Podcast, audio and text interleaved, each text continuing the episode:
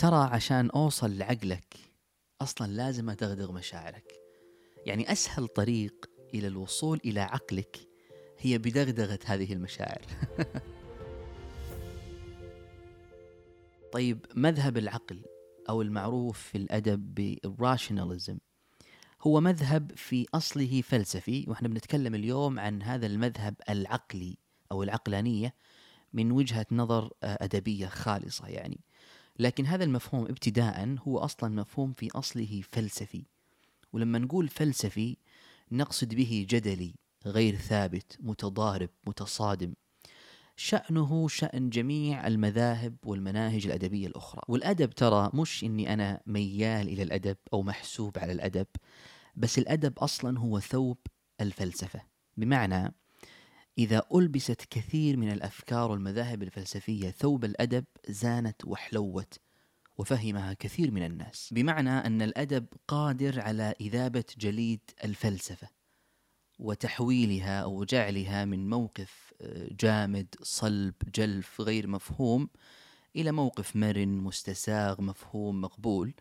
بصرف طبعا الفروقات الثقافية والمعرفية واللغوية عند المتلقي عند الناس بعد ذلك. وهنا ترى ممكن نشوف آه، العلاقة المتأصلة بين الأدب والفلسفة. بل ربما ذهب القائل وقد ذهب كثير من الناس إلى القول إنه بدون ثوب الأدب هذا ما فهمنا أصلا جسد هذه الفلسفة أو كثير من الأمور والقضايا والأفكار الفلسفية ما فهمت. أو لم تفهم على سياقها الذي نفهمه اليوم، لذلك لما تنظر في منزلة هذه الفكرة الفلسفية العقلانية أو منزلة العقل من الأدب تجد أنها لا تنفك عنه، تجد أن العقل هو الصلب وركيزة أساسية إن لم تكن كل الركائز في آه، في الأدب.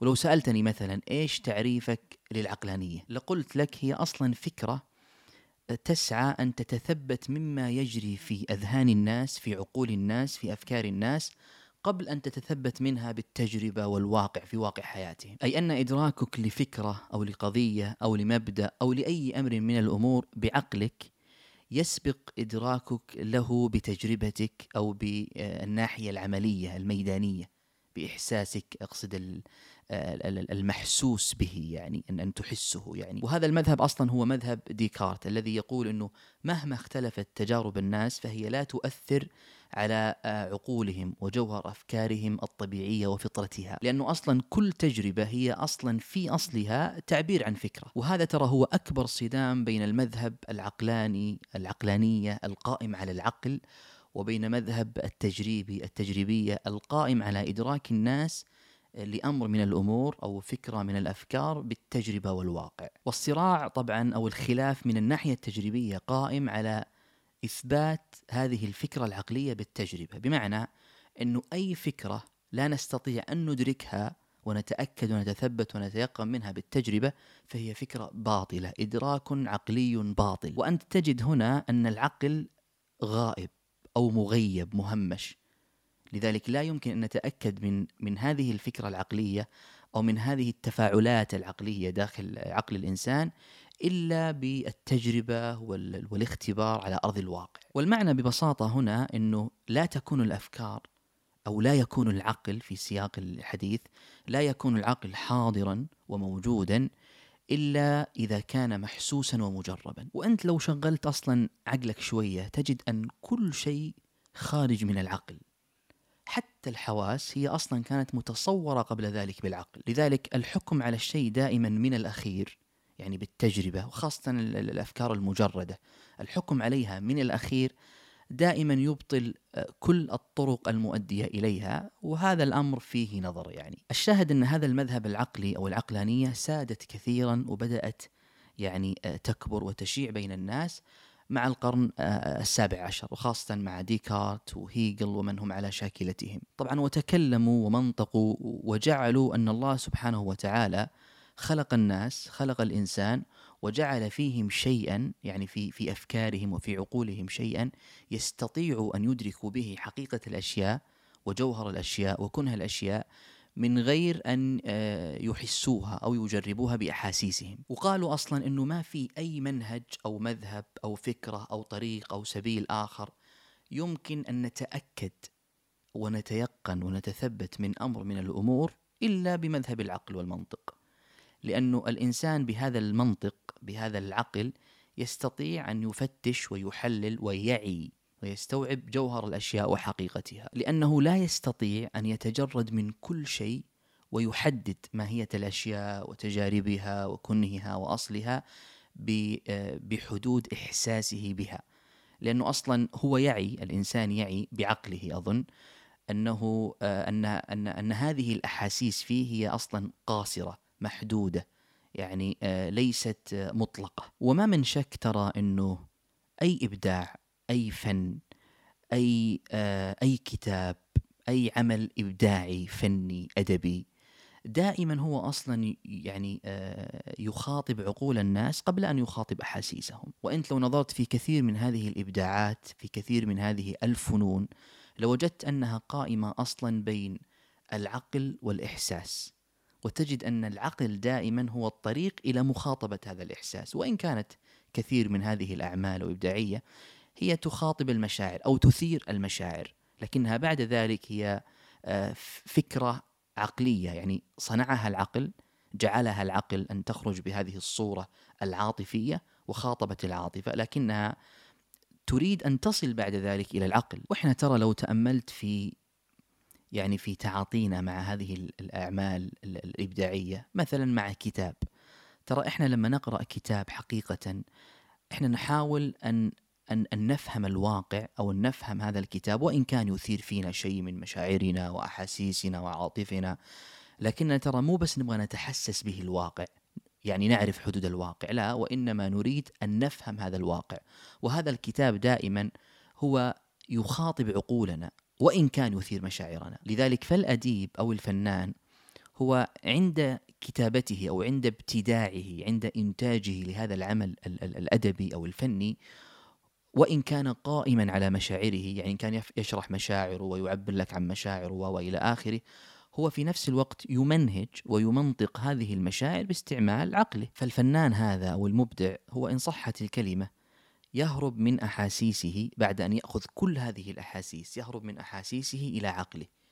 وهناك يجلس جلسة محترمة مع نفسه ومع عقله يمنطق فيها كل هذه التفاعلات العاطفية المشاعر الأحاسيس التي يمر بها ثم يضعها لنا في عمل آه، يعني آه، إبداعي ويخاطب به عقولنا ونحن لا نفهمه إلا بعقولنا. وانت ترى سبحان الله لو تأملت في واقع حالك أنا دائما سبحان الله أحب أستعمل واقع حالنا لأنه ترى إحنا منظومة من الناس إحنا إحنا جماعة. كل إنسان هو مجتمع في حد ذاته أصلا. وأنت سلسلة أصلا كثيرة من الناس.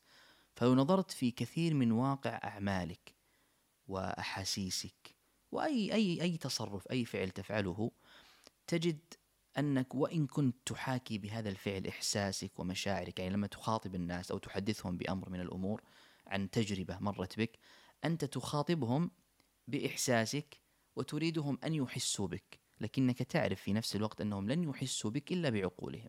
يعني لازم يفهمك بعقله يعي ما تقول حتى يحس بما تقول. فإحنا أصلا جالسين نخاطب عقولهم. بس باستعمالنا هذه المشاعر والأحاسيس. أليوت مثلا يقول الفن هو نتاج العقل. ونحن بالعقل ننظمه ونمنطقه ونمنهجه. فالشعر مثلا لا ينساب من فم الشعراء بلا روابط منطقية بلا عقل بلا إدراك. فالشاعر دائما يعي وإن كان يشرح وإن كان يعرف أن هذه اللغة العذبة هذه القصيدة تنساب من مشاعره لكنه يمنطقها وينظمها بعقله. وهكذا بالتالي تباعا يبتدع الفنان فنه في أي مجال فهو يحرر إبداعه في عقله أصلا ولا يتلفظ به غير واع به. ما يقول الشعر هو ما يدري أوهام يعني.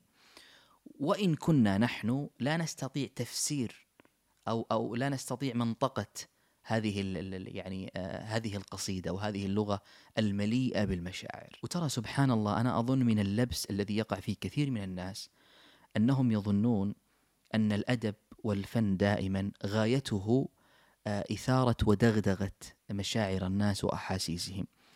والحقيقة أن غايته آه، إيقاظهم مخاطبة عقولهم. فهو انجازت الكلمة يستعمل هذه الدغدغة يستعمل هذه الإثارة لإيقاظ مشاعرهم وللوصول بعد ذلك إلى عقولهم. فمثل مثلا ما قلت لك أنا قبل شوية إنه عشان أصل لعقلك لازم أدغدغ مشاعرك. لازم آه، أثير فيك هذه العاطفة. وأنا بالتالي أمهد طريقا لي للوصول إلى عقلك. لأني لو ظليت بس أدغدغ مشاعرك فلن تدوم هذه الدغدغة الإثارة طويلا. ستنتهي بانتهاء حكايتي وانتباهك لي.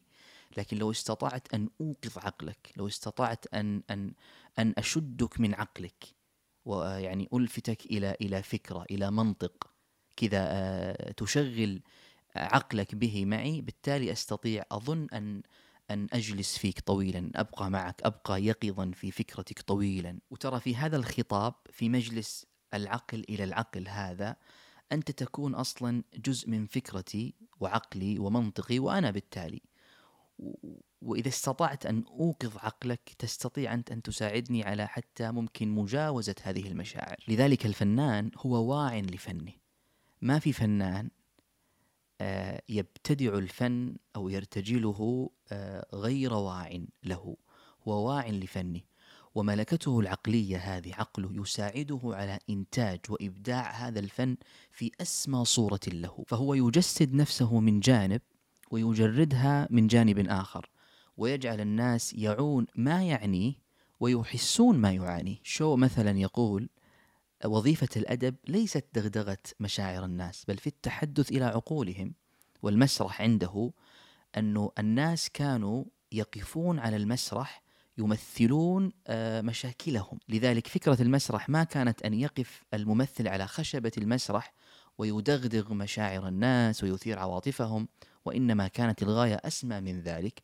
كان يناقش قضايا عصره التي يريد هو بشكل أو بآخر أن يجعل هذا المتفرج يعي ما, ما, ما يناقشه يعي ما يستعرضه عليه من, من هذه المشاكل. فالممثل مثلا يفكر يحلل يسخر يتهكم يحزن يضحك و من هذه التفاعلات العاطفية. والغاية من هذا أن يجعل المتفرج آه، يحس به ينتبه له ويوقظ شيئا في عقله. ويعي بعد ذلك أن كل هذا خارج من العقل طبقا لما يجري حوله أصلا. واليوم أنت سبحان الله لما تنظر في كثير من الأعمال الإبداعية الفنية الأدبية تجد أنها دائما تنطلق من فكرة الشك الشك بفكرة الشك بقضية اجتماعية إنسانية ومن مشكلات الناس آه، وقضاياهم.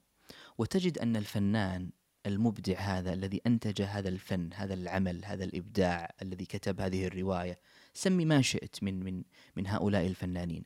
تجد أنه يجعل هذا العمل عمل آه، فيه صراع فيه جدل فيه آه، نفور فيه التحام. وقد يبلغ هذا الصراع والجدل والنفور والالتحام أشد درجاته. وهذا كله طبعا من أجل اختبار هذه القضية التي أشغلت وأتعبت الناس.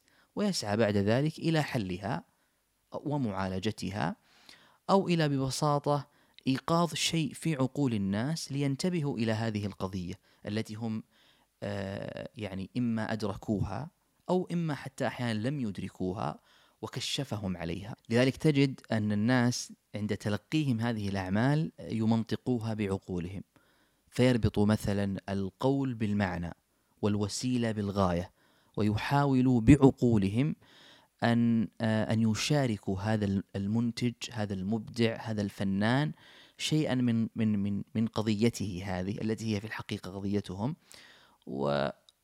كلهم بعد ذلك يسعون إلى حل هذه القضية وهذه الأزمة أو هذه المشكلة وهذه الفكرة التي آه، يعانونها. وأظن أنا أن العقل هو ركيزة أساسية في حياتنا. بمعنى كل شيء نسويه في حياتنا حلو أم خلاف ذلك؟